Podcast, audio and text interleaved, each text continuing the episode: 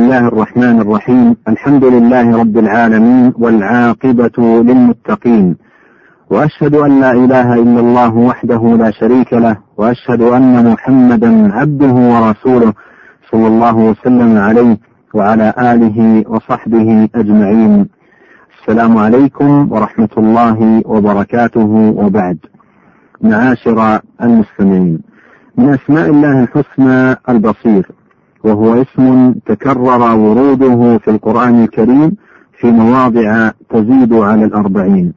منها قوله تعالى ليس كمثله شيء وهو السميع البصير وقوله تعالى إن الله كان سميعا بصيرا وقوله تعالى والله بما تعملون بصير وقوله تعالى إن الله بصير بالعباد وقوله تعالى إنه بكل شيء بصير وقوله تعالى إنه بعباده خبير بصير وقوله تعالى وكفى بربك بذنوب عباده خبيرا بصيرا. والبصير معاشر المستمعين أي الذي يرى جميع المبصرات ويبصر كل شيء وإن دق وصغر فيبصر تبارك وتعالى دبيب النملة السوداء على الصخرة الصماء في الليلة الظلماء ويرى مجاري القوت في أعضائها ويرى جريان الدم في عروقها ويبصر ما تحت الأراضين السبع كما يبصر ما فوق السماوات السبع. ويرى تبارك وتعالى تقلبات الأجفان وخيانات العيون. قال ابن القيم رحمه الله البصير الذي لكمال بصره يرى تفاصيل خلق الذرة الصغيرة وأعضاءها ولحمها ودمها ومخها وعروقها ويرى دبيبها على الصخرة الصماء في الليلة الظلماء ولقد أحسن من قال يا من يرى مد البعوض جناحها في ظلمة الليل البهيم الأليل ويرى نياط عروقها في نحرها والمخ من بين العظام النحل أمم علي بتوبة تمحو بها ما كان مني في الزمان الأول. ومما يجب الإيمان به معاشر المستمعين أنه تبارك وتعالى يبصر بعينين تليقان بجلاله وكماله سبحانه. قال تعالى واصبر لحكم ربك فإنك بأعيننا.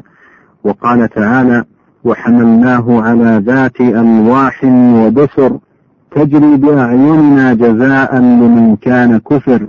وقال تعالى وألقيت عليك محبة مني ولتصنع على عيني. وقد دل الحديث الصحيح عن رسول الله صلى الله عليه وسلم أن لله عينين حين وصف عليه الصلاة والسلام الدجال فقال إنه أعور وإن ربكم ليس بأعور متفق عليه. وتنزيهه سبحانه عن العور دليل على ثبوت العينين له سبحانه على الوجه اللائق به.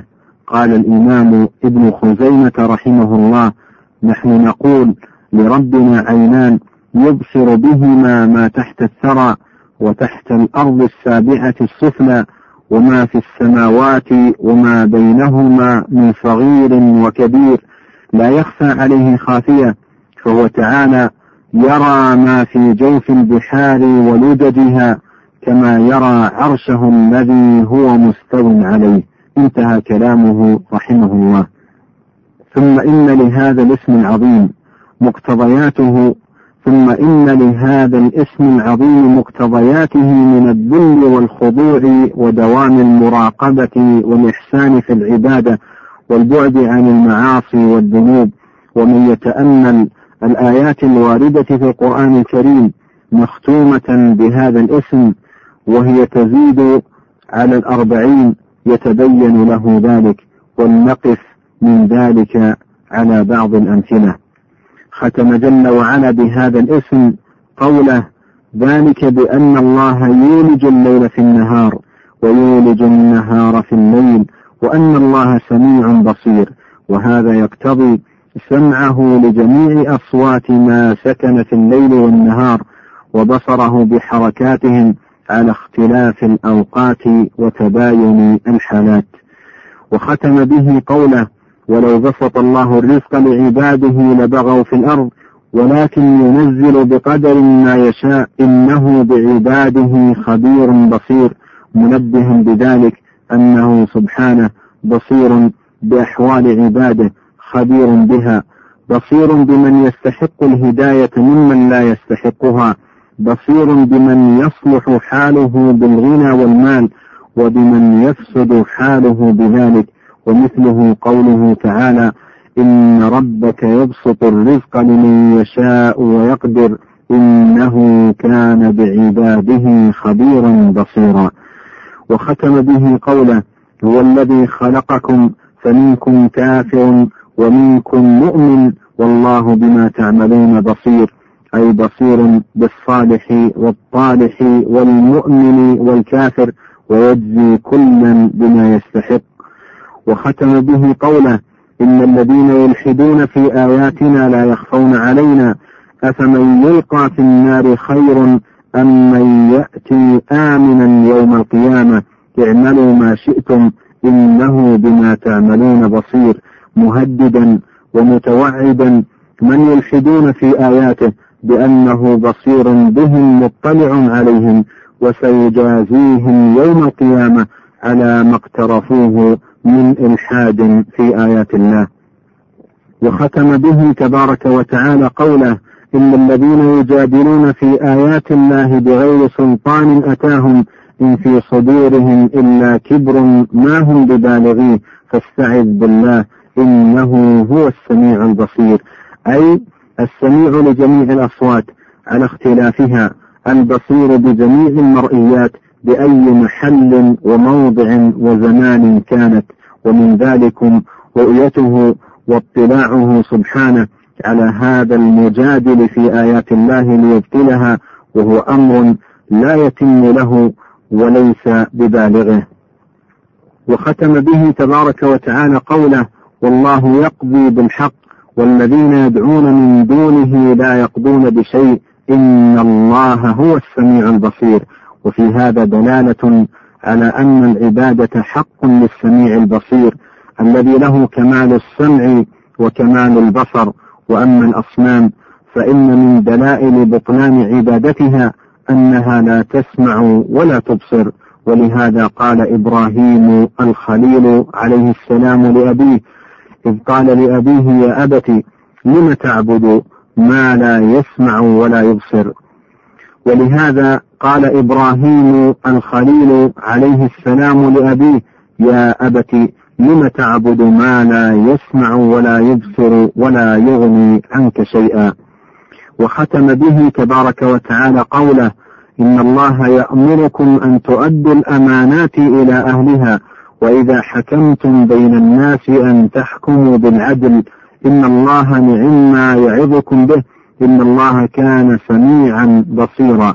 وهذا مدح من الله سبحانه لأوامره ونواهيه لاشتمالها على مصالح الدارين ودفع مضارهما لأن شارعها السميع البصير الذي لا تخفى عليه خافية ويعلم من مصالح العباد ما لا يعلمون.